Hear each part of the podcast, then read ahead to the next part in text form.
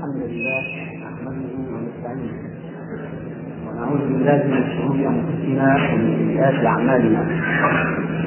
من يهده الله فلا مضل له ومن يضلل فلا هادي له. وأشهد أن لا إله إلا الله وحده لا شريك له. وأشهد أن سيدنا محمدا عبد الله ورسوله إمام المتقين وسيد المرسلين. صلوات الله وسلامه عليه وعلى آله وأصحابه. ومن دعا بدعوته واهتدى بهديه إلى أن يرث الله الأرض ومن عليها وهو خير الوارثين. أما بعد فيا أيها الإخوة الكرام ويا أيتها الاخوات باسم المركز الإسلامي للدعوة والإرشاد مديره ودعاته وجميع العاملين به أحييكم جميعا بتحية الإسلام وتحية الإسلام هي السلام. تحية من عند الله مباركة طيبة. السلام عليكم ورحمة الله تعالى وبركاته. ونرحب بكم أجمل الترحيب بهذه القاعة الطيبة المشرقة بنور الهدى والحق. والتي نرجو أن تستمر على هذا إن شاء الله حتى تؤدي رسالتها كما ينبغي أن تؤديها. أيها الإخوة الكرام قبل أن أقدم للمحاضرة ولكتاب المحاضرة أحب اولا أن أبادر فاقدم باسمكم وباسم المركز الإسلامي للدعوة والإرشاد عظيم الشكر للمجلس الأعلى لرعاية الشباب في دولة قطر والقائمين عليه. عن اتاحوا لنا هذه الفرص الطيبة. وهذه الفرص العظيمة التي نرجو إن شاء الله أن يستمروا على هذا المنوال الحميد. وأن يكونوا دائما فاتحة خير ودعاة حق وهدى في هذا البلد الطيب الكريم. أيها الإخوة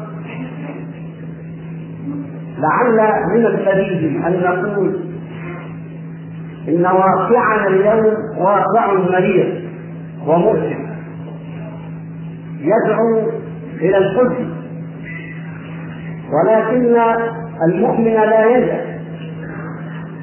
لقد كانت الأمة الإسلامية في ماضيها المشرك المجيد كانت أمة قائدة رائدة تملي ولا يملى عليها. كانت رأسا فأصبحت اليوم ذنبا وأصبح العالم الإسلامي اليوم في حالة يرثى لها من تفكك الروابط ومن التخلف ومن الجهل. وكل ذلك سببه البعد عن هدي الإسلام وعن تعاليم الإسلام. واقعنا المعاصر واقع مرير ولكن لا يأتي فإن بوادر الخير قد بدت وظهرت. وإن معالم الحق قد بدت وظهرت. وإنه إن شاء الله في المستقبل القريب سيعود للإسلام عزه ومجده. وسيعود للمسلمين قوتهم وعزتهم وكرامتهم. ونرجو أن يكون ذلك قريبا إن شاء الله رب العالمين. أيها الإخوة وضيفنا في هذه الليلة هو من عمالقة الفكر الإسلامي الأصيل وهو غني عن التعريف هو الأستاذ الكبير الذي وقف لسانه وقلمه للدفاع عن الإسلام والذود عن خياره ذلكم هو الأستاذ محمد قطب شقيق الشهيد قطب. موضوع المحاضرة واقعنا المعاصر. فليتفضل أستاذنا مشكورا. بسم الله الرحمن الرحيم. الحمد لله رب العالمين. والصلاة والسلام على سيد المرسلين أبنائي وبناتي وإخوتي وأخواتي السلام عليكم ورحمة الله وبركاته. أشكر تاج أبي بكر القائمين على هذا المركز والذين دعوني إلى هذه المحاضرة أذكر لهم فرصة لي لألتقي بالشباب المسلم فإن خير ما يلقاه الإنسان في الدنيا أن يلتقي بالمؤمنين المخلصين إن شاء الله الذين يسعون إلى تمكين هذا الدين في الأرض مرة أخرى الذين يسعون إلى إزالة الغربة الثانية. التي يعيشها الإسلام اليوم والتي حدث عنها رسول الله صلى الله عليه وسلم بدأ الإسلام غريبا وسيعود غريبا كما بدأ فطوبى للغرباء. وفي رواية فطوبى للغرباء يصلحون ما افسد الناس من سنة. ولكني بعد هذا الشكر أقول إن الذين اقترحوا هذا العنوان للمحاضره قد ورطوني وورطوكم معهم. فإن هذا الموضوع لا يمكن بحال من الأحوال أن يستوفى في محاضرة. وقد احتجت إلى كتاب كامل بلغ في طباعته خمسمائة وخمسين صفحة ومع ذلك فإنني لم أحط بكل جوانب الموضوع في ذلك الكتاب وخشيت أن يتضخم الكتاب أكثر فمررت سريعا على كثير من النقاط. فكيف يمكن أن يعالج موضوع ضخم كهذا في ساعة أو سويعة ولكن لا بد مما ليس منه بد. فلنمر سريعا على النقاط الرئيسية في الموضوع.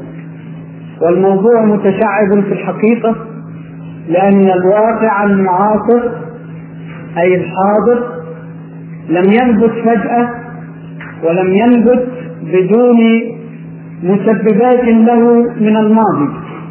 فلا يمكن رؤية الحاضر إلا باستعراض الماضي لأن الماء الحاضر الذي وصف لكم منذ هنيها الواقع المر الذي يعيشه العالم الإسلامي اليوم لا هو الأصل بالنسبة لهذه الأمة ولا هو جاء بغير أسباب. ولا نستطيع أن نتبينه على حقيقته دون أن نرجع إلى التاريخ.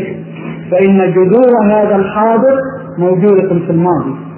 وأحيانا نجد بعض الجذور لهذا الحاضر قبل 12 قرنا أو قبل 13 قرنا من تاريخ الإسلام. كما أننا لا نستطيع أن نتكلم عن الحاضر وحده دون إطلالة ولو سريعة على المستقبل الذي هو وليد هذا الحاضر والذي يلفه غيب الله ولكنه يجري دائما حسب السنن الربانية. فالماضي والحاضر والمستقبل وكل تاريخ البشر يجري حسب سنن أبقاها الله سبحانه وتعالى في حياة البشر وأخبرنا في كتابه المنزل أنها لا تتبدل ابدا ولا تتحول ابدا. وأخبرنا كذلك أن سننه لا تجامل احدا ولا تحابي احدا. وانظروا إلى إبراهيم عليه السلام. في قوله تعالى واذ ابتلى إبراهيم ربه بكلمات فاتمهن قال اني جاعلك للناس اماما وتعلمون أن إبراهيم عليه السلام قد ابتلي ابتلاءات شديدة وكان أو ربما كان من أشدها أمر الله له في الرؤيا التي رآها أن يذبح ولده الحبيب إسماعيل. واستجاب الرسول البشر لأمر الله سبحانه وتعالى. واستجاب الذبيح ذاته. استجاب لأمر الله. لأن العقيدة في قلبيهما كانت أكبر وأثقل وأركز من كل حظ لهما في الدنيا وفي ذات أنفسهما. فأسلما لله. فلما أسلم أي استسلم وتله للجبين. وناديناه أن يا إبراهيم قد صدقت الرؤيا. ما كان الله سبحانه وتعالى يريد أن يفجع إبراهيم في ولده الحبيب ولكن كان يريد أن يختبر قلبه. أيهما أحب إليه الله وطاعته أم ولده وأي أمر من أمور الحياة الدنيا؟ وارتفع إبراهيم إلى أعلى ما يستطيع البشر أن يرتفعوا إليه فسلم قلبه وسلم ولده.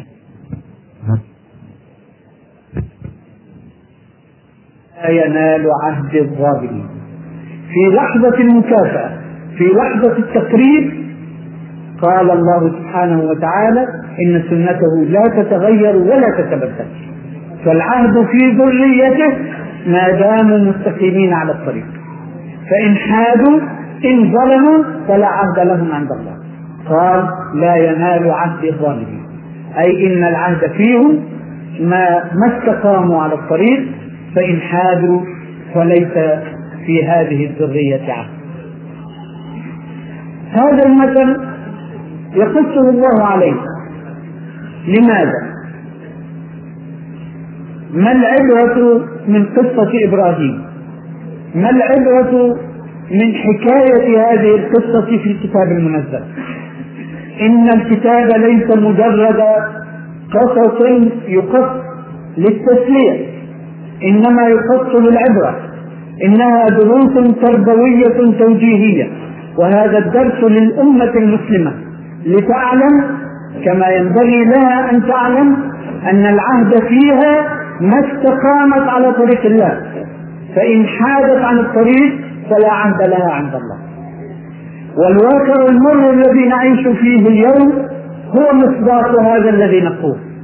لقد بقي العهد في هذه الأمة وبقي الوعد محققا لها. أي وعد؟ وعد الله. وعد الله الذين آمنوا منكم وعملوا الصالحات لا يستخلفنهم في الأرض. كما استخلف الذين من قبلهم وليمكنن لهم دينهم الذي ارتضى لهم وليبدلنهم من بعد خوفهم أمنا يعبدونني لا يشركون بي شيئا. هذا وعد الله. وقد تحقق الوعد لأن وعد الله لا يتخلف. وبقيت هذه الأمة مستخلفة وممكنة ومؤمنة في الأرض قرونا متوالية. لماذا؟ لا محاباة من الله لها ولكن لأنها كانت قائمة على الشر. ما الشر؟ إذا الشرط وارد في ذات الآية. يعبدونني لا يشركون بي شيئا. وتجد في كثير من آيات القرآن شرطا لازما مقابل الوعد أو مقابل التمكين أو مقابل القوة. شرط لا بد أن تقوم به الأمة الإسلامية. الشرط هنا يعبدونني لا يشركون بي شيئا. تأمل بعض الآيات الأخرى. ولا تهنوا ولا تحزنوا. وأنتم الأعلون متى؟ بأي شرط؟ إن كنتم مؤمنين. يعني إن حققتم حقيقة الإيمان في نفوسكم وفي واقع حياتكم تكون لكم الغلبة يكون لكم الاستعلاء ويكون آه، لكم من وراء هذا الاستعلاء تمكين في الأرض. وإن تصبروا وتتقوا لا يضركم كيدهم شيئا. نفس الشخص الأعداء يكيدون لكن هذا الكيد لا يبلغ من هذه الأمة شيئا بشرط. إن تصبروا وتتقوا. فإن لم تصبروا ولم تتقوا يتوغل الكيد ويؤتي ثماره النكدة. تلك كلها سنن ربانية.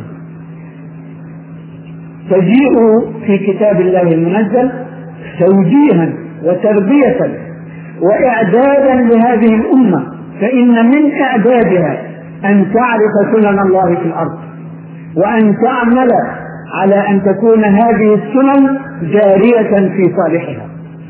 وفي يدها أن تصنع ذلك إذا استقامت على الطريق. عندئذ تسير السنن الجارية في صف الأمة الإسلامية فتهب لها التمكين والاستخلاف والتأمين. أما إن حادت كما حادت بالفعل فلا استخلاف ولا تمكين ولا تأمين إنما هو الواقع الذي تعيشونه اليوم وتعرفونه جيدا. الواقع لا يحتاج مني إلى وصف. يكفي ما تسمعونه يوميا عن أحداث لبنان.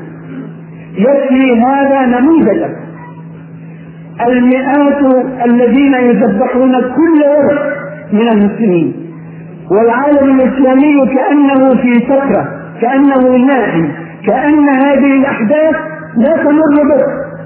كأنه لا يحس بها. كأن الدماء في عروقه لم تعد دماء ويكفي نموذجا ما يحدث في الأرض المقدسة في فلسطين. يشرد أهلها. يخرجون من ديارهم وأموالهم. ويهانون.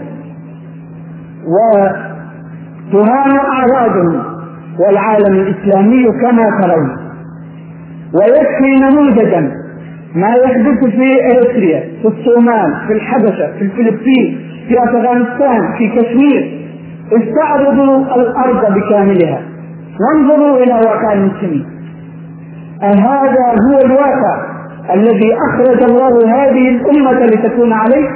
هل أخرجها لتكون في هذا الذل في هذا الهوان في هذا الضياع الذي تعيشه الأمة اليوم؟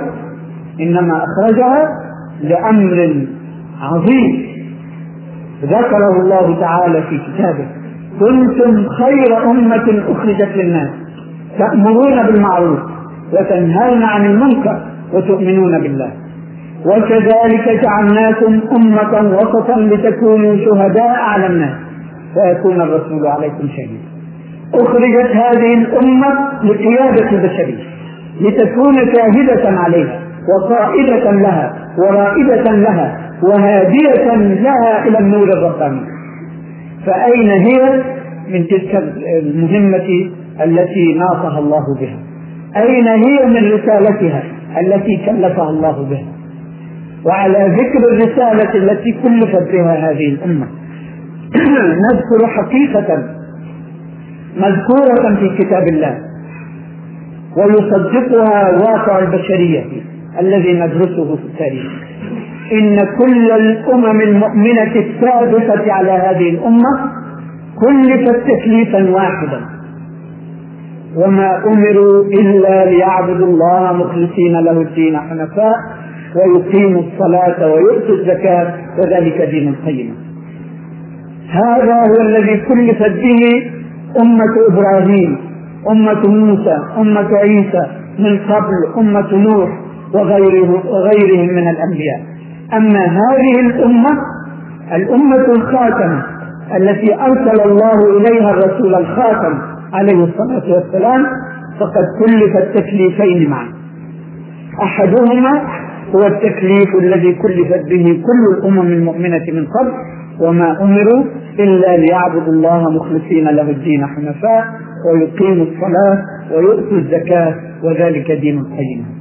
ثم بعد ذلك أي بعد أن تستقيم الأمة في ذات نفسها لله سبحانه وتعالى فتخلص له الدين حنيفة غير مشركة.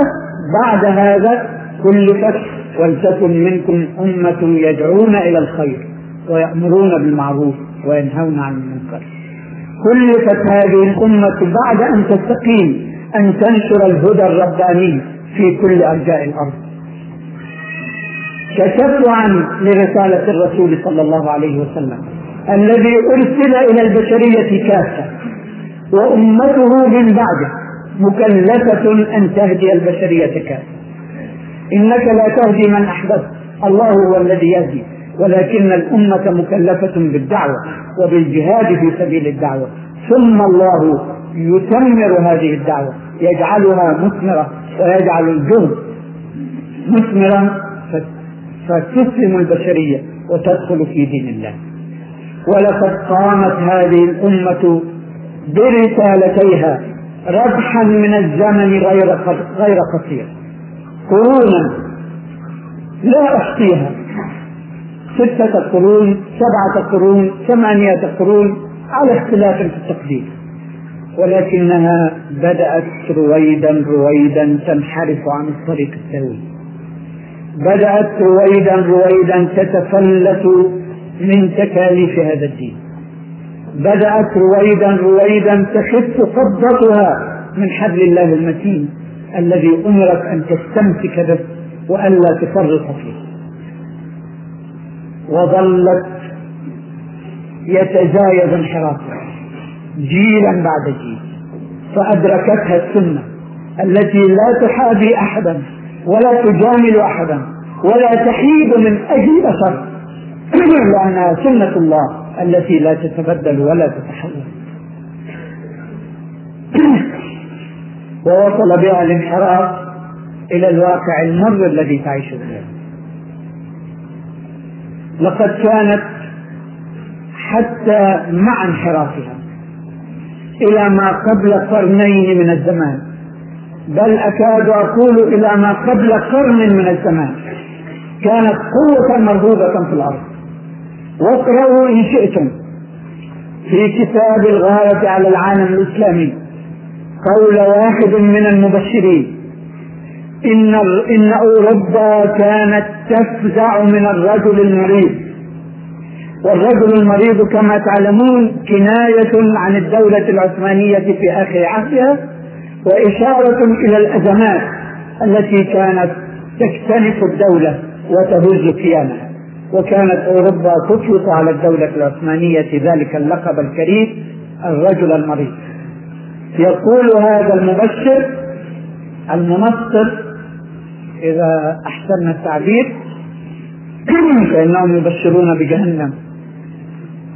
يقول إن أوروبا كانت تفزع من الرجل المريض وهو مريض.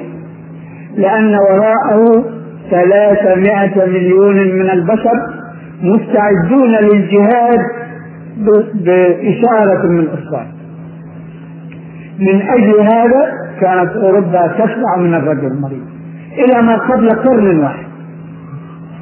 وكان الملوك في البلقان لا يتسلمون مناصبهم إلا أن يأذن لهم خليفة المسلمين. لا يكون أحدهم ملكا في بلده إلا بتنصيب خليفة المسلمين له لأن البلقان كله كان قطعة من الدولة الإسلامية. وهذا رغم الانحرافات التي كانت تراكمت. فانظروا إلى حال الأمة اليوم. وقدروا كم بلغ الانحراف الذي يجعل قدر الله أو الذي يجعل سنة الله تسلب من هذه الأمة كل ما كان لها من استخلاف وتمكين وتأمين وتضعها في هذا الواقع المر الذي تعيشه هذه الأمة اليوم. ذلك بأن الله لم يكن مغيرا نعمة أنعمها على قوم حتى يغيروا ما بأنفسهم. ما كان الله ليسلب هذه الأمة ما أعطاها إياه من استخلاف وتمكين وتأمين إلا أن تكون قد غيرت ما بنفسها. ولقد غيرت بالفعل. وكما أقول الآن وأقول دائما إن هذا الانحراف الذي أصاب هذه الأمة لم يحدث فجأة. ولا شيء يحدث فجأة في هذا الكون. إنما يجري حسب السنن الجارية. كانت الأمة قوية ممكنة مؤمنة لأنها كانت سائرة على طريق الله. ثم بدأت تنحرف. فماذا كانت انحرافاتها؟ لقد كانت الانحرافات في الحقيقة كثيرة. ولو أنفقنا هذه الليلة كلها لنعبد انحرافات الأمة ما كفتنا هذه الليلة. لكن كما قلت في مقدمة حديثي مجبرون على أن نلتقط أبرز النقاط لأن الوقت لا يتسع لذكرها كلها.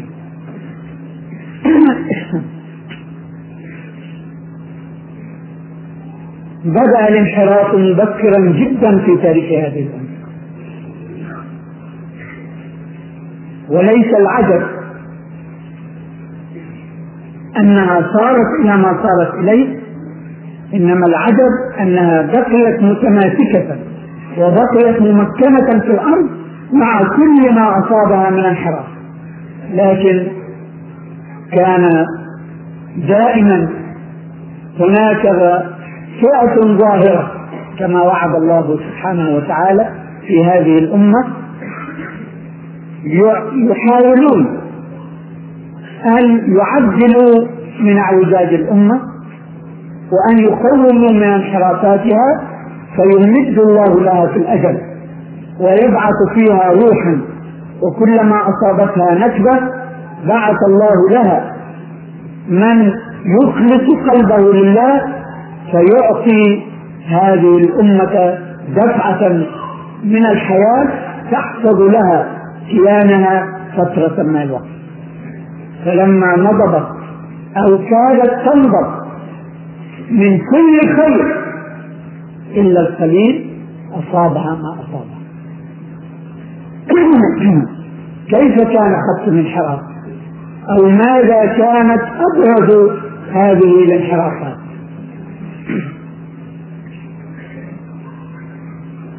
الانحراف الأول هو التسلط من التكاليف الربانية.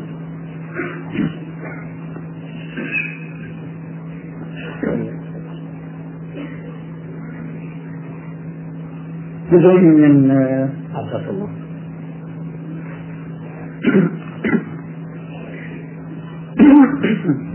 صرنا نظرة إلى الجيل الأول جيل رسول الله صلى الله عليه وسلم. نجد نماذج لا مثيل لها في تاريخ البشرية كلها. من الرفعة من القوة من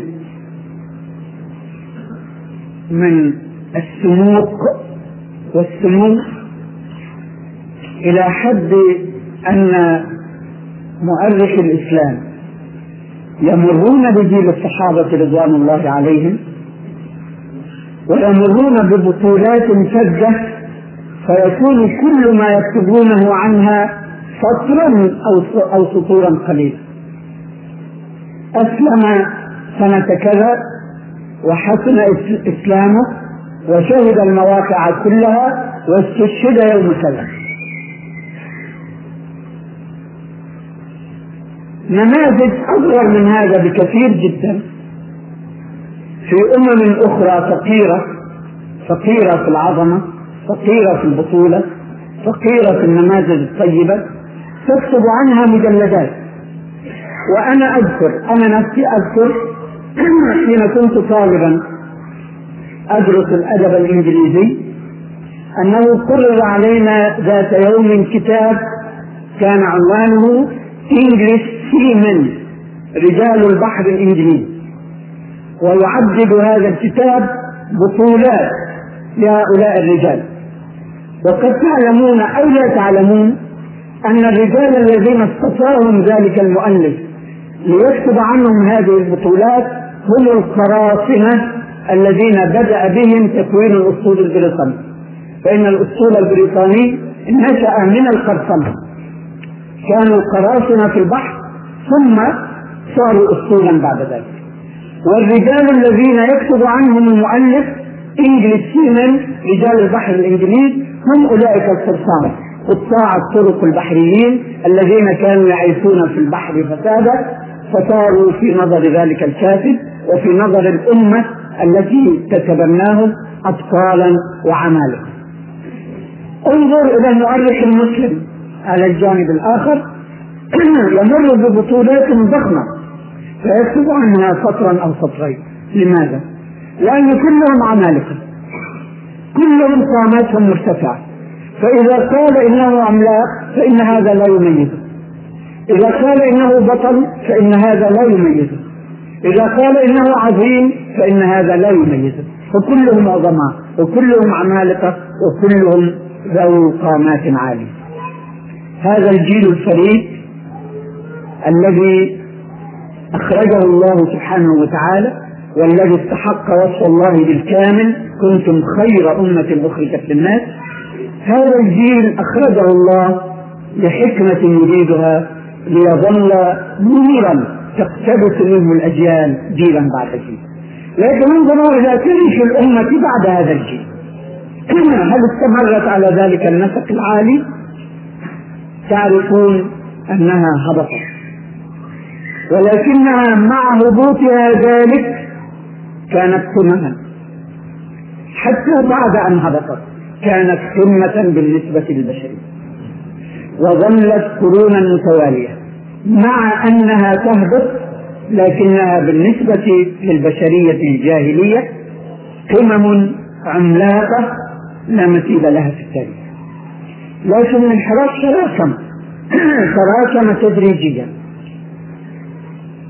وأول انحراف كما قلنا هو التفلت من التكاليف التفلت طبع بشري ولقد عهدنا إلى آدم من قبل فنسي ولم نجد له عزما وأبناء آدم كأبيهم آدم. ينسون ويغفلون ويضعف عزمهم إذا هل هذا الداء لا علاج له؟ هل في ترتيب النفس البشرية أن تتفلت من التكاليف ولا علاج لهذا المرض؟ لا. إن الله قد جعل له علاجا. في قوله تعالى وذكر فإن الذكرى تنفع المؤمنين. الذكرى لمن؟ الآية تقول للمؤمنين. يعني الإيمان موجود في قلوبهم. إذا لماذا يذكرون؟ ما الذي نسوه؟ ما الذي غفلوا عنه؟ الذي غفلوا عنه هو العمل بمقتضى ذلك الإيمان. وهو الذي ينساه البشر فيذكرون فإذا ذكروا يعودون إلى القيام بمقتضيات هذا الدين. فإذا وجدنا الأمة تتفلت وتزيد تفلتا ويستمر التفلت في الزيادة فلنا أن نستنتج أن التذكير لم يكن بالقوة الكافية ولا بالقدر الكافي. وهذا أول انحراف حدث في تاريخ هذه الأمة. التفلت أمر طبيعي. علاجه التذكير. الذي حدث في تاريخ الأمة أن التذكير لم يكن بالدرجة الكافية ولم يكن بالنوعية الكافية. وليس معنى هذا أنه قد خلا جيل أي جيل من أجيال المسلمين من علماء ومن مذكرين. لكن أقول إن حجم التذكير ونوعية التذكير لم تكن كافية لرد الأمة إلى التمسك بحبل الله المتين. في الوقت الذي كان التذكير أقل مما ينبغي دخل في في حياة هذه الأمة تياران دخيلان مضادان لعملية التفكير يعني إحنا بنقول التفكير ليس كافيا ليس هذا فقط لكن بدلا من أن يتجه التفكير إلى الوجهة الصحيحة جاء تياران ضد اتجاه التفكير فأما أول هذين التيارين فهو الذي نطلق عليه الفكر الإرجائي ما الفكر الإرجائي؟ يسألني كثير من الناس ماذا تقصد بالفكر الإرجائي؟ المرجئة فرقة من الفرق التي ظهرت في الأمة الإسلامية. ولا يهمنا الآن أن نعرف عنها شيئا أكثر من الفكر الذي تدور حوله فرق المرجئة ما هذا الفكر؟ قولهم إن الإيمان هو التصديق أو على أكثر تقدير هو التصديق والإقرار. وليس العمل داخلا في مسمى الإيمان. هذا هو الفكر الإرجائي الإيمان هو التصديق أو هو التصديق والإقرار وليس العمل داخلا في مسمى الإيمان. قطعا هذا ليس من دين الله وليس هذا الفكر إسلاميا في أصله. وكل ناظر لهذا الدين لا يستطيع بأي حال من الأحوال أن يسقط العمل وأن يبقي بعد ذلك دين الله كما أنزل. إذا فصلنا العمل من هذا الدين ماذا يبقى من هذا الدين؟ يبقى التصديق القلبي والإقرار اللساني وهو مطلوب. الإقرار باللسان مطلوب. والتصديق بالقلب مطلوب. لكن من زعم أن هذا هو الدين المنزل؟ أو من زعم أن التصديق القلبي والإقرار باللسان يكفي لتأدية المهام التي أنزل الله هذا الدين من أجلها فهو يخالف الواقع. لماذا أنزل هذا الدين وكل الرسالات السماوية؟ كل الرسالات. لقد أرسلنا رسلنا بالبينات وأنزلنا معهم الكتاب والميزان ليقوم الناس بالقسط. إذا هناك هدف من إرسال الرسل وإنزال الكتب وإنزال الميزان الميزان الرباني ميزان الحلال والحرام ميزان المعايير التي ينهج البشر بمقتضاها في حياتهم الدنيا. لماذا أنزل الله الميزان؟ لماذا أرسل الرسل؟ لماذا أنزل الكتاب ليقوم الناس بالقسط؟ هل يقوم الناس بالقسط بمجرد التصديق القلبي والإقرار اللساني الآن ترون استحالة ذلك من الألف مليون الذين يسكنون في العالم الإسلامي. إن تعداد البشر الذين يسكنون الأرض الإسلامية من المحيط إلى المحيط يبلغ اليوم ألف مليون. يصدقون بقلوبهم ويقرون بلسانهم. فهل قام الناس بالكفر؟ هل يكفي التصديق القلبي والإقرار اللساني لإقامة هذا الدين فضلا عن الجهاد وفضلا عن الدعوة وفضلا عن كل ما كلفت به هذه الأمة خاصة بالإضافة إلى قوله تعالى وما أمروا إلا ليعبدوا الله مخلصين له الدين حنفاء ويقيموا الصلاة ويؤتوا الزكاة وذلك دين القيم. هل يعقل أن الدين يقوم في الأرض بغير عمل؟ بمجرد التصديق القلبي والإقرار اللساني لا يعقل. وهل كان رسول الله صلى الله عليه وسلم والصحابة معه متطوعين من عند أنفسهم بما جاهدوا وبما سعوا وبما دعوا؟ هذا كله تطوع من عند أنفسهم لم يأمرهم الله به إنما أمرهم فقط بالتصديق القلبي والإقرار اللساني وكل ما بعد ذلك تطوع إذا قام به العبد فهنيئا له. وإذا لم يقم به فلا وزر عليه لأنه قام بالتصديق والاقرار هذا الفكر الدخيل ليس من الإسلام. لكن مع الأسف ظل هذا الفكر يسري في الأمة تدريجيا خلال القرون إلى أن أصبح الدين الآن عند المسلمين أو عند أكثرية المسلمين قولهم ربك رب قلوب ما دام قلبك عامر بالإيمان ما يهمكش. من أين جاءوا بهذا؟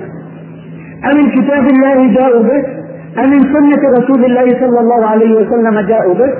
إنما هو التيار الدخيل الذي أتحدث عنه الذي هو من أشد ما أصاب هذه الأمة من الانحرافات للحقيقة حين بدأ هذا الفكر كان فكرا فلسفيا هو عدوى من الفكر اليوناني الفلسفي يعني ليس إسلاميا إنما جاء نتيجة حركة الترجمة في العصر أواخر العصر الأموي وبداية العصر العباسي ومن بين ما ترجم الفلسفة اليونانية والمنطق اليوناني واللاهوت المسيحي وأثر هذا كله في فكر بعض المسلمين. للحقيقة كان هذا الفكر يحلق في الأبراج العاجية يعني يتكلم فيه المتكلمون فوق والجماهير لا علاقة لها لا تلتفت إلى هذا الكلام ولا تخوض فيه. لكن لما فتر النهر الجارف الذي أطلقه الإسلام في قلوب هذه الأمة نهر العمل كان تيارا عالما لا مثيل له في التاريخ. لكن لما فتر بدأ الفكر الإرجائي ينزل من الأبراج العادية إلى واقع الأرض. يغطي المساحة التي ينحسر منها العمل. يعني من باب التمثيل للتقريب لما كان العمل مئة في المئة الفكر الإرجائي كان تأثيره صفر. لما انحسر العمل عشرة في المئة أصبح تسعين يعني غطى الفكر الإرجائي في المئة التي انحسر عنها العمل. لما صار العمل خمسين في المية غطى الفكر الإرجائي الخمسين التي انحسر عنها العمل. لما أصبح العمل صفر قام من يقول وليس هذا كلامي هذا كلام مكتوب في الكتب وينشر على الناس. من قال لا إله إلا الله فهو مؤمن ولو لم يعمل عملا واحدا من أعمال الإسلام. يعني الفكر الإرجائي غطى مئة في المئة من الساحة وبقي الإيمان هو التصديق والإقرار. اللي صدق بقلبه وأقر بلسانه خلاص. حاز الإيمان كله ودخل الجنة بغير حساب. ليس هذا من الإسلام وهو من أشد الانحرافات التي أصابت هذه الأمة. هناك تيار موازي تماما وإن كان أصوله مختلفة للفكر الإرجائي وهو الصوفية الصوفية يعني ككل الموضوعات التي نطرقها الليلة لا يتسع المقام أبدا لبسط الكلام فيه. لكن لابد من كلمة سريعة تعرفنا ما أثر الصوفية في قلب الأمة وفي عمل الأمة وفي فكر الأمة. سأتكلم فقط عن سلبية واحدة من سلبيات الصوفية. يعني هي لها عيوب كثير لكن سأقصر الحديث عن شيء واحد. تأثيرها في نقطة العمل. كما أقنع الفكر الإرجائي عباد الله أنهم يستطيعون أن يدخلوا الجنة بغير عمل بمجرد التصديق القلبي والإقرار اللساني.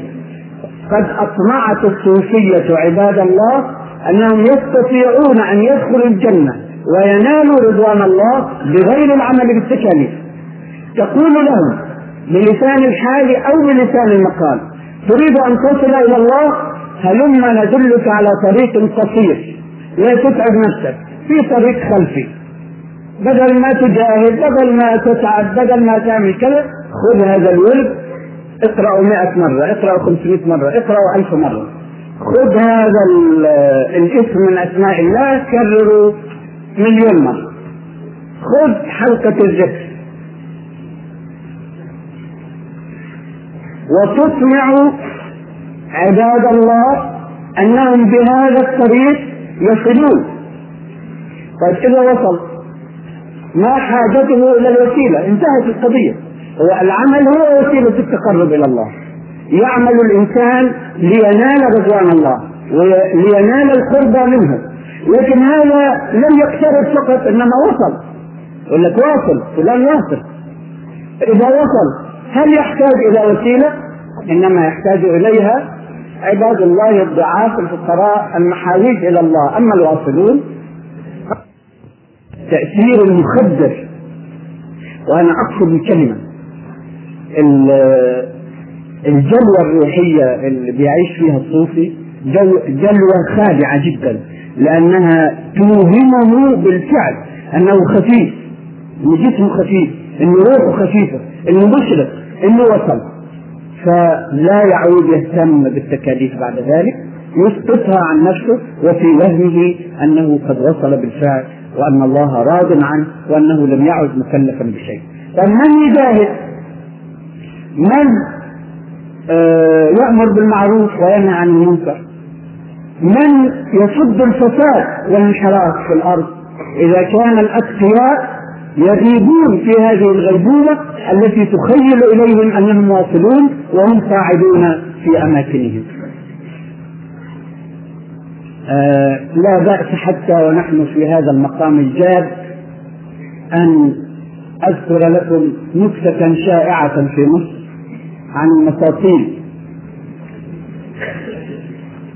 عارفين المساطيل طبعا.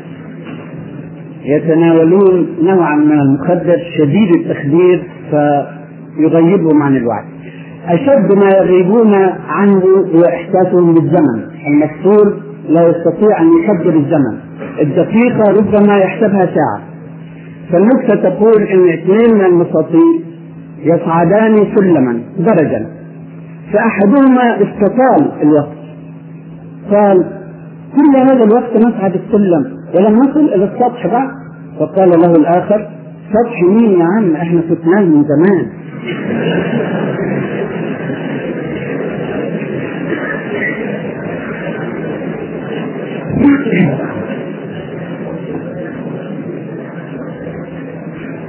هذان التياران اللذان دخلا حياة الأمة. الفكر الإرجائي الذي يزعم أن الإيمان هو التصديق والإخلاص ويخرج العمل من مسمى الإيمان والتيار الصوفي الذي يوهم أصحابه أنهم واصلون إلى رضوان الله بغير العمل بالتكاليف الربانية كان من أشد ما أصاب هذه الأمة بالإضافة إلى التسلط الطبيعي من التكاليف الذي لم يجد لقاء شفاءه من التذكير ليعود الناس إلى مقتضيات هذا الدين. خلال التاريخ الإسلامي هناك عنصر رابع أثر أنا لا أحصر الانحرافات في هذه الأربعة. أنا أقول إني أبرز أشد الخطوط بروزا لكن في انحرافات كثيرة جدا. في بدعة في ضلالات وفي وفي وفي. لكن أنا أختار من بينها هذه الخطوط الشديدة التأثير في حياة المسلمين. التفلت وعدم كفاية التذكير الفكر الإرجائي التيار الصوفي إذا أضفنا إلى ذلك الاستبداد السياسي الذي بدأ مبكرا في حياة هذه الأمة منذ الدولة الأموية وزاد على أيام الدولة العباسية واستمر في أيام الدولة العثمانية هذا الاستبداد السياسي كان له تأثير خطير جدا في حياة الأمة ما التأثير؟ التأثير أن الدين انحصر تدريجيا من كونه ممارسة جماعية تأمر بالمعروف وتنهى عن المنكر وتسعى إلى إقامة المنهج الرباني في واقع الحياة إلى ممارسة فردية مع التركيز على الشعائر التعبدية. يعني صار المسلم الذي يؤدي الشعائر التعبدية يعتقد في دخيلة نفسه أنه قام بالإسلام كله وأنه لم يعد مطالبا بشيء وراء ذلك. والإسلام كما تعلمون ليس شعائر فحسب إنما هو منهج متكامل ينبغي أن تقوم الحياة على أساسه. ليقوم الناس بالقسط لقد أنزل الله الكتاب لهدف واسع والشعائر التعبدية ذاتها إن هي إلا وسيلة من الوسائل التي تعين على إقامة القسط في حياة البشر. لكن نتيجة الاستبداد السياسي الناس انكمشوا. لأنهم إن أمروا بالمعروف ونهوا عن المنكر يتعرضون لغضب السلطان. فيقول القائل منهم في نفسه لا يا عم خليك بعيد. خليك في نفسك. صلي الركعات اللي عليك صلي الفرض وصوم رمضان وادفع الزكاة اللي عليك وحج البيت واعتمل وخليك بعيد الشر. ابعد عن الشر وغني له. هكذا تقول الأمثال. هذا أثر تأثيرا سيئا جدا في واقع الأمة. إن الإسلام بينحسر ليس كما أنزله الله وليس كما أراده الله. إنما أراده الله ليقوم الناس بالقسط لتعيش البشرية في ظل المنهج الرباني في السياسة في الاقتصاد في الاجتماع في الفكر في كل العلاقات بين البشر بعضهم وبعض. تحكمهم شريعة الله يحكمهم المنهج الرباني يحكمهم ما أنزل الله. لما الناس انحصرت عن العمل في الميدان الجماعي وأصبح الدين ممارسة فردية ومتكئا على الشعائر التعبدية وتاركا للواقع هل كان يتوقع أن يظل الواقع محافظا على إسلاميته؟ أم يزداد بعدا عن الإسلام. الإسلام لا بد له من بشر يقومون به. هو هو دين الله نعم. هو الشفاء لكل الأمراض نعم. لكن من سنة الله الجارية أنه لا بد من جهد بشري يقوم به البشر ليتمكن هذا الدين في الأرض. الله قادر سبحانه وتعالى أن يمكن لدينه بغير بشر وبغير أدوات. لكن سنته هكذا. ولو شاء الله لانتصر منهم. ولكن ليبلو بعضكم ببعض. إن تنصروا الله ينصركم. هل يعجز الله سبحانه وتعالى عن أن ينصر دينه؟ كلا بالطبع. وحاشا بالله أن يعجزه شيء في السماوات والأرض.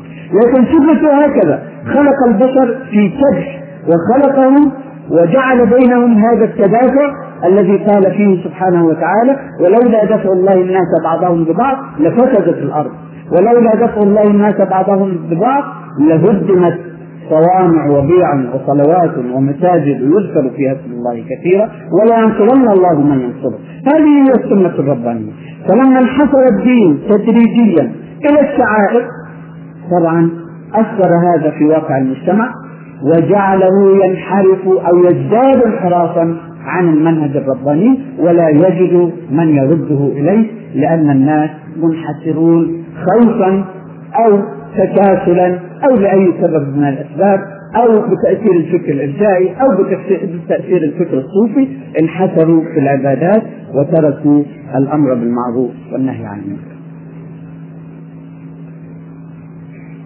لما تجمع هذا الانحراف كله الذي ذكرت منه فقط هذه الخطوط الأربعة البارزة لأنها بارزة لكن تحتها عشرات من الخطوط الأخرى المنحرفة لما تجمع هذا كله ماذا كان تأثيره في حياة الأمة الإسلامية؟ كان تأثيره بادئ ذي بدء أن الإسلام الضخم الذي أنزله الله ليؤدي في هذه الأرض مهمة معينة وأن الأمة التي أخرجها الله لأداء هذه المهمة الدين انحسر والأمة دورها انحسر في الأرض. كل مفاهيم الإسلام انحرفت وتغيرت. بدءا بمفهوم لا إله إلا الله. كيف صار مفهوم لا إله إلا الله في الأجيال المتأخرة؟ وكيف كان في حس الأجيال الأولى؟ أما بالنسبة للأجيال المتأخرة التي تعيش اليوم والتي هي كما وصفها رسول الله صلى الله عليه وسلم محذرا غثاء كغثاء السيف يوشك أن تداعى عليكم الأمم كما تداعى الأكلة إلى قطعتها. قالوا أمن قلة نحن يومئذ يا رسول الله؟ قال أنتم يومئذ كثير ولكنكم غثاء كغثاء هذا الغثاء الذي يعيش اليوم ألف مليون من المحيط والمحيط الذي لا وزن له الذي يعذب ويهان ويذل ويشرد ويقتل ويخرج من أمواله ودياره لماذا؟ لماذا صار هكذا؟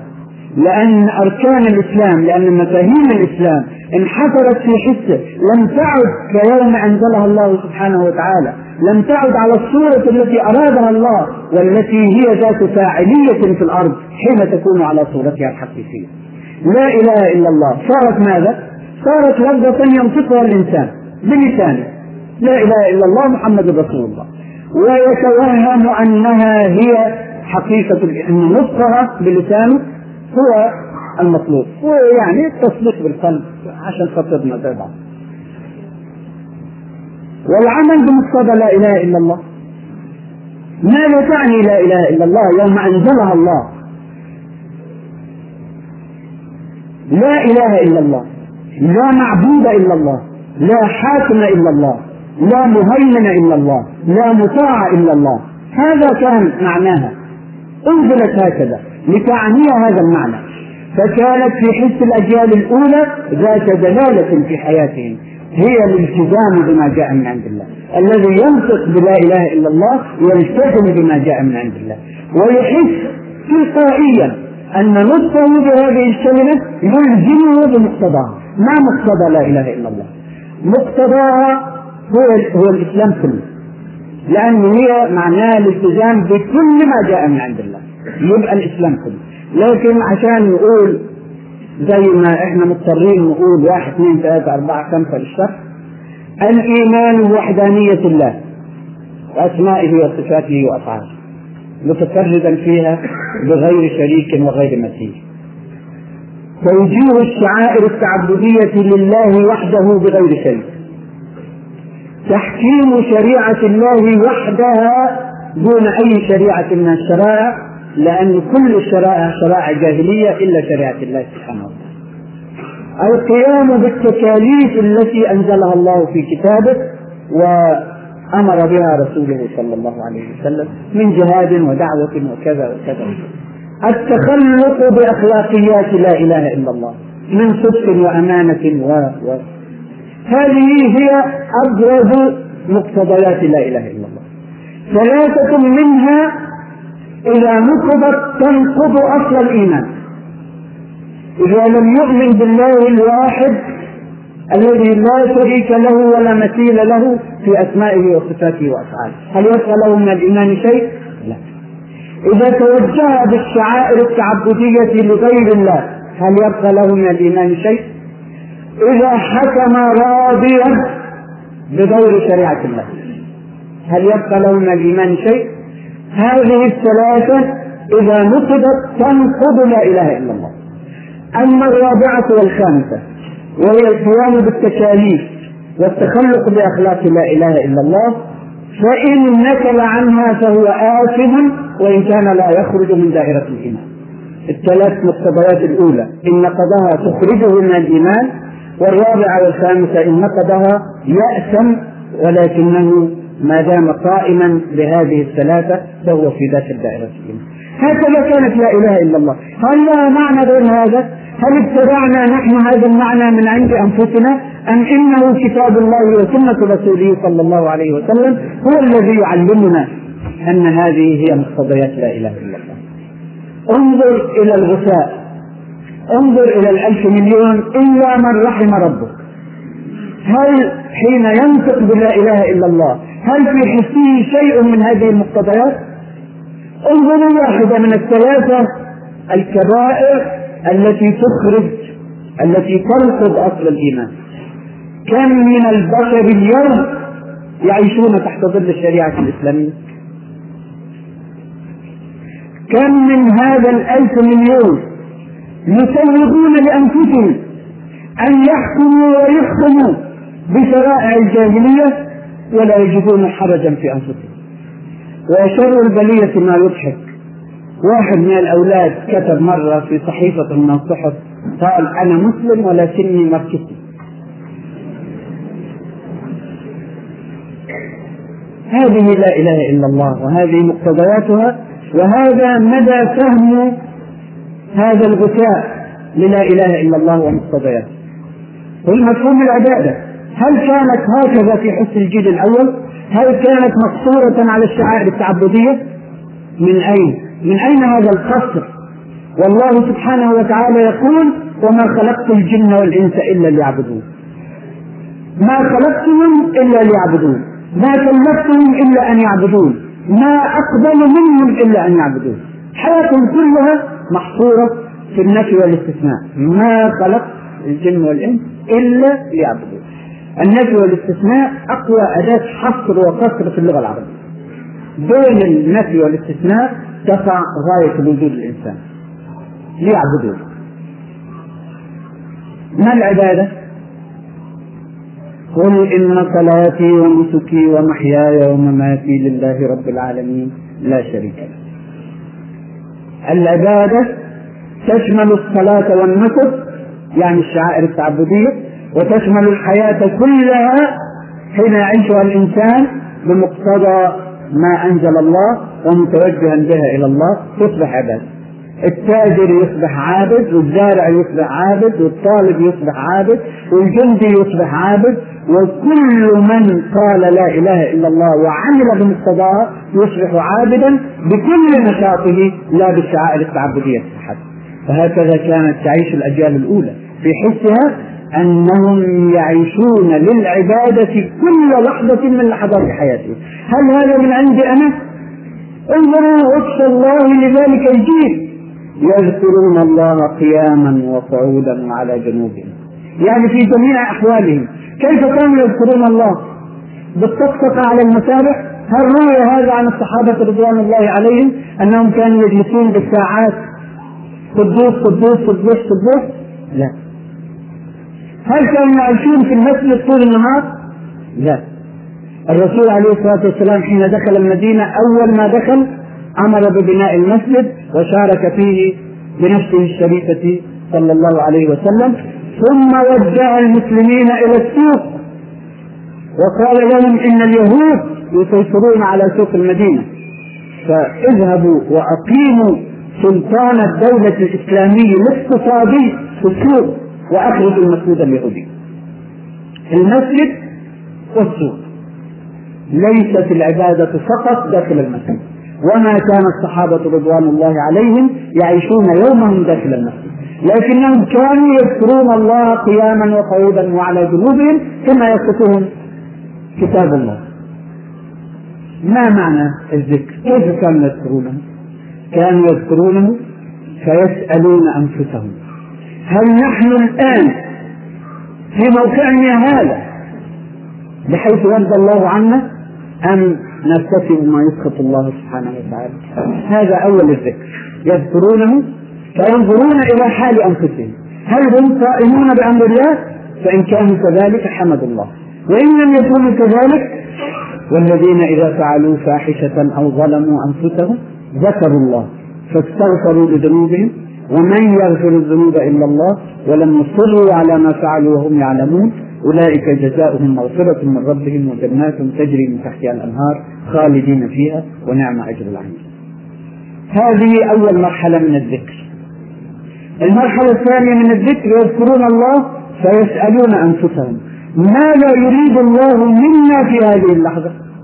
فيقومون إلى أداء فإن كان الذي يريده الله في هذه اللحظة الجهاد في سبيل الله أصبح الذكر مؤديا إلى الجهاد في سبيل إذا كان المقصود المطلوب الآن تمشوا في مناكبها وكل من رزقه يصبح ذكر الله مؤديا إلى المشي في مناكب الأرض بالحلال والأكل من رزق الله بالحلال. إذا كان المطلوب الآن طلب العلم فريضة أصبح الذكر مؤديا إلى طلب العلم. إذا كان المطلوب الآن هو أنفسكم وأهليكم نارا يصبح الذكر مؤديا إلى تربية الأهل والأولاد على ما يرضي الله. وهكذا كانوا يذكرون الله قياما وقعودا وعلى جنوب كيف صار معنى العبادة عند المتأخرين؟ ظلت تنحسر حتى انحصرت في الشعائر التعبدية.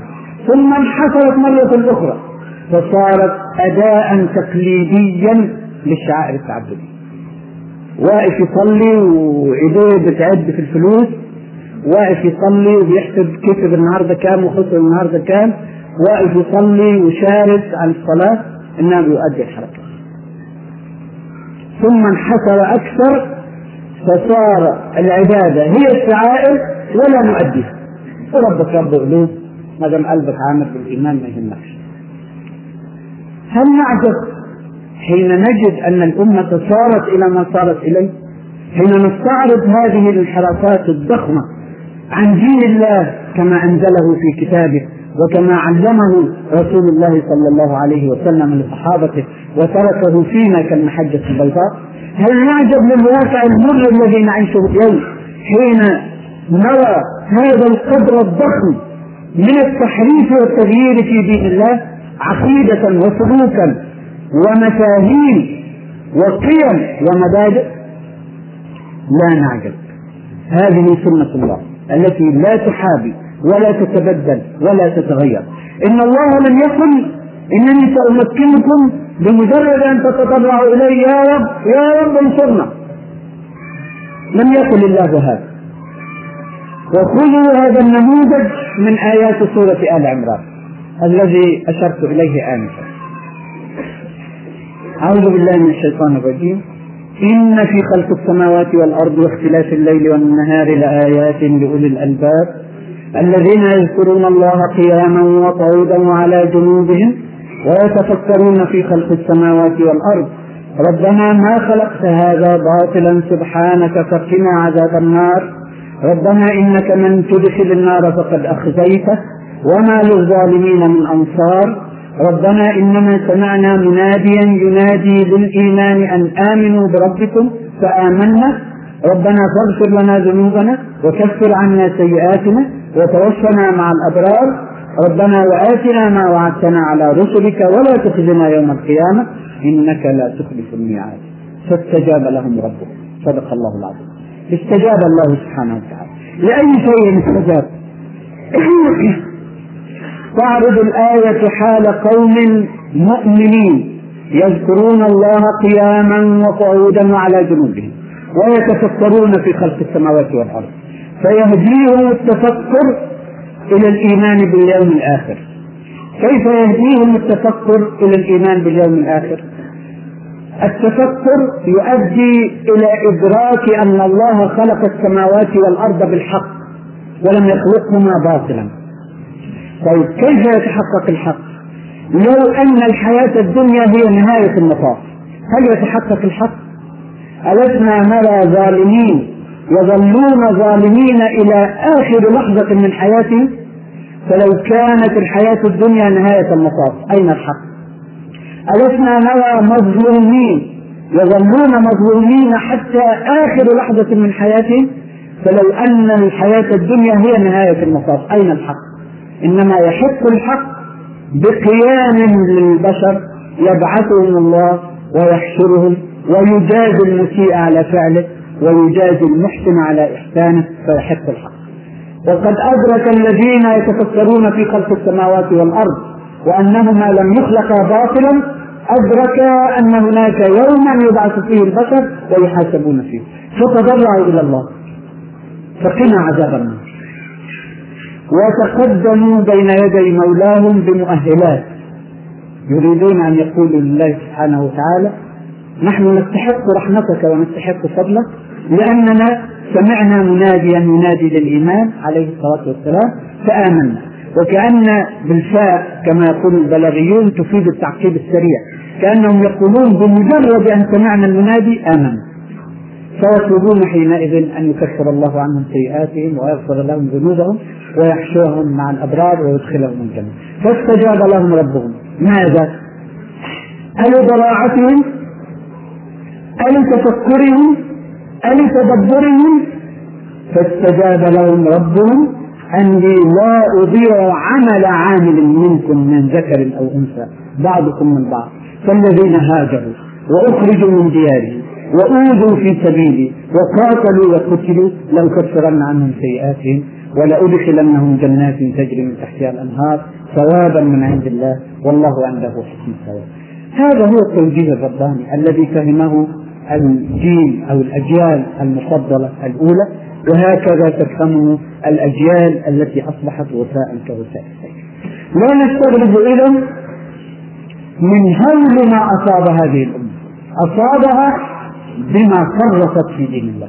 أصابها بما انحرفت عن كتاب الله. أصابها بما تخلت قبضتها عن حبل الله المتين نحمد الله أولا وآخرا أن بعث الله في الأمة من جديد من يصحح لهذه الأمة عقائدها من يجدد لها أمر دينها فقامت الصحوة الإسلامية ونحن نستبشر كثيرا جدا بهذه الصحوة. ونبتهل إلى الله أن تكون هي الطريق الذي يرد الأمة إلى دينها وإلى ربها.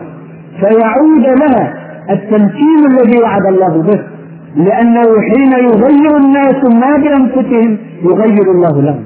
إن الله لا يغير ما بقوم حتى يغيروا ما بأنفسهم. فإذا بدأوا يغيرون وقد بدأوا والحمد لله يغيرون. فلنا أن نأمل إذا أن يغير الله هذا الواقع. وما ذلك على الله بعزيز. إن الله يقول للشيء كن فيكون ولكن جرت سنته أن يكون هناك بشر مؤمنون مجاهدين يكونون ستارا لقدر الله في الأرض.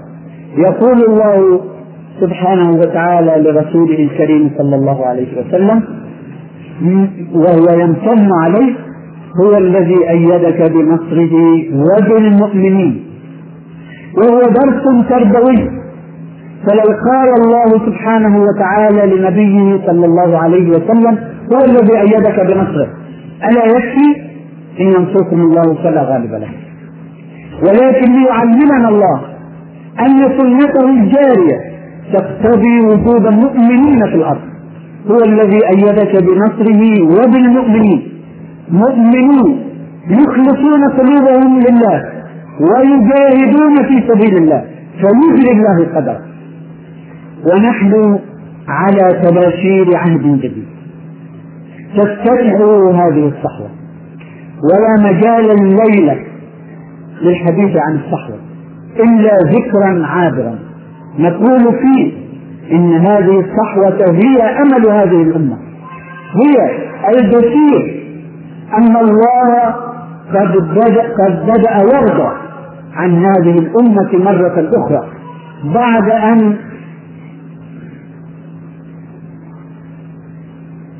لا أقول غضب الله عليه. لأن هذه الأمة لا يغضب الله عليه. لكن يغضب منها. حين تنحرف عن طريق. يغضب منها حين تسيء يغضب منها حين لا تتمسك بما أنزل من حكمة وآية. ولكنه يعود فيرضى عنها إن شاء الله حين تتجه إليه. والذين جاهدوا فينا لنهدينهم سبلنا وإن الله لمع المحسنين. الصحوة التي تمارسها الأمة اليوم هي العودة إلى النبض الطبيعي لهذه الأمة الذي غابت عنه زمنا وليس العجب أن تعود الأمة إنما العجب كان أن تنحرف عن الطريق. والعجب كان أن تخرج عن دين الله وتتلفت إلى الجاهلية عن يمين وشمال. تريد أن تلحق بقطار الجاهلية وتتضرع للأمم الجاهلية خذونا معكم. لا تتركونا نضيع اجعلونا نمسك بذيل القطار لكي نلحق الرقم. ليس هذا هو وضع الأمة الإسلامية.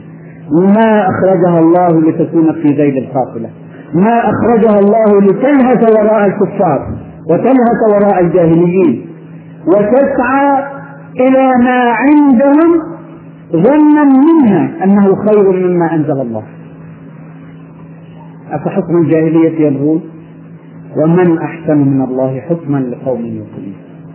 لقد شردت الأمة قرنا كاملا أو يزيد. شردت حتى ظنت أن سعيها إلى ما عند الغرب إلى ما عند أعدائها من يهود ونصارى هو الذي سينقذها مما هي فيه وراحت تطلب السم من أعداء دينها وتتوهم أنهم سيعطونها العلاج. كيف وقد قال الله كلمته ولن ترضى عنك اليهود ولا النصارى حتى تتبع ملتهم. ولا يزالون يقاتلونكم حتى يردوكم عن دينكم إن استطاعوا. لا يرقبون في مؤمن إلا ولا ذمة. كيف وقد قال الله هذا؟ تتوهم الأمة أنها تأخذ الدواء من عندهم لما عندها من أمراض. ولقد أعطوها دواء الأدوية الحقيقية ليست المجازية ليست أدوية القلب أدوية النفس أدوية الأجسام. يرسلون إلى العالم الثالث ما يستغنون عنه من أدوية. ضبطت أدوية كثيرة. أرسلت إلى ما يسمى العالم الثالث. ثبتت عدم فاعليتها عند الرجل الأبيض فأرسلها إلى العالم الثالث. وتذكرون جيدا أن أطعمة فاسدة أصابها التلوث الإشعاعي أرسلت إلى العالم الثالث. وهم لا يأكلونها ولا يشربونها خوفا من الإشعاع ويرسلونها إلى العالم الثاني كذلك أرسلوا المبادئ الهدامة. أرسلوها لا لتنقذ هذه الأمة مما هي فيه إنما لتزيدها خبالا يا أيها الذين آمنوا لا تتخذوا بطانة من دونكم لا يألونكم خبالا ودوا ما عنتم قد بدت البغضاء من أفواههم وما تخفي صدورهم أكبر. قد بينا لكم الآيات إن كنتم تعقلون. ولقد ظلت هذه الأمة بعيدة عن عقلها جيلا بأكمله تظن أن أعداءها سيأتونها الدواء وتلهث في طلب ذلك الدواء وتدفع من كرامتها ومن مالها ومن أعراضها ما تشتري به ذلك الدواء المكنون وتظن أنه هو الذي سينقذها. ثم نظر الله إلى أمته نظرة فألهمها أن تعود إلى الدواء الحقيقي. فكانت هذه الصحوة. المباركة بإذن الله. العودة إلى الله. العودة إلى دين الله. العودة إلى المفاهيم الحقيقية لهذا الدين. لا إله إلا الله ليست الكلمة المنطوقة فقط وليست الوجدان المكنون في الضمير فقط لكنه الكلمة والوجدان ثم العمل بمقتضى لا إله إلا الله. العبادة لا منحصرة ولا منحسرة إنما بمعناها الواسع. قل إن صلاتي ونسكي ومحياي ومماتي لله رب العالمين. وحين تعود الأمة إلى الفهم الصحيح للدين وهي عائدة بإذن الله يغير الله. ولا يستعصي على الله شيء. إننا نقول لأنفسنا وكيف نعمل مع أعدائنا؟ عندهم قنابل نووية عندهم مدافع عندهم وليس عندنا. أليس المؤمن يقول صباح مساء الله أكبر؟ الله أكبر. أكبر من روسيا وأكبر من أمريكا وأكبر من هذه الأرض كلها وأكبر من كيد الكائدين كله. لكنه اشترط سبحانه شرطا واحدا. يعبدونني لا يشركون بي شيئا. وحين يتحقق هذا الشرط تكفل الله سبحانه وتعالى بالتمكين والاستخلاف والتأمين. الأمة عائدة بإذن الله. وفي طريق عودتها عقبات كثيرة. ولكن المبشرات أكبر من من المعوقات ويكفي ما أختتم به حديثي الذي أظنه طال كثيرا وأرهقكم كثيرا.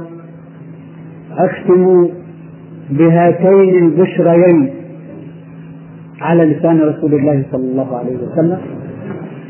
فأما أولاهما فبشأن اليهود والأرض المقدسة.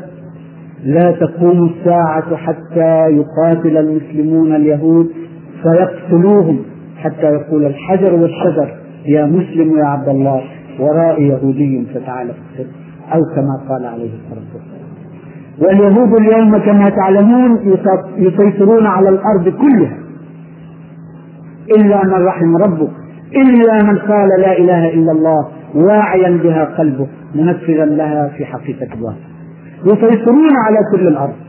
فإذا هزموا تلك الهزيمة المنكرة على يد المسلمين يتغير وجه الأرض كلها وليس فقط فلسطين وليس فقط الأمة الإسلامية إنما تتغير الدنيا كلها لأنها القيادة التي تتسلم الأمر ستتغير ستسير على المنهج الرباني فتتغير الحياة البشرية. أما البشرى الثانية فقوله صلى الله عليه وسلم أو كما قال عليه الصلاة والسلام إنها تكون فيكم نبوة أو إنه تكون فيكم نبوة. فتبقى في الأرض ما شاء الله لها أن تبقى ثم ترفع. ثم ثم تكون خلافة راشدة. فتبقى في الأرض ما شاء الله لها أن تبقى ثم ترفع. ثم يكون ملك عضوض فيبقى في الأرض ما شاء الله له أن يبقى ثم يرفع ثم يكون ملك جبرية. فيبقى في الأرض ما شاء الله له أن يبقى ثم يرفع ثم تكون خلافة راشدة على منهاج النبوة. فنحن نستقبل الزمان وأمامنا هاتان البشريان. بشرى بتحطم نفوذ اليهود الشريرين وتسلم المسلمين القيادة في الأرض وبشرى بالخلافة الراشدة في الديار الإسلامية. وأي بشرى أكبر من ذلك؟ والله أكبر والله عزيز ولينصرن الله من ينصره. إن الله لقوي عزيز. أبنائي وبناتي أشعر أني أثقلت عليكم كثيرا فأعتذر إليكم. ولكني أنفعل بما أقول فأنسى نفسي أحيانا أو أنسى نفسي كثيرا. فمعذرة ومغفرة وآخر دعوانا أن الحمد لله رب العالمين وصلى الله وسلم على نبينا ورسولنا محمد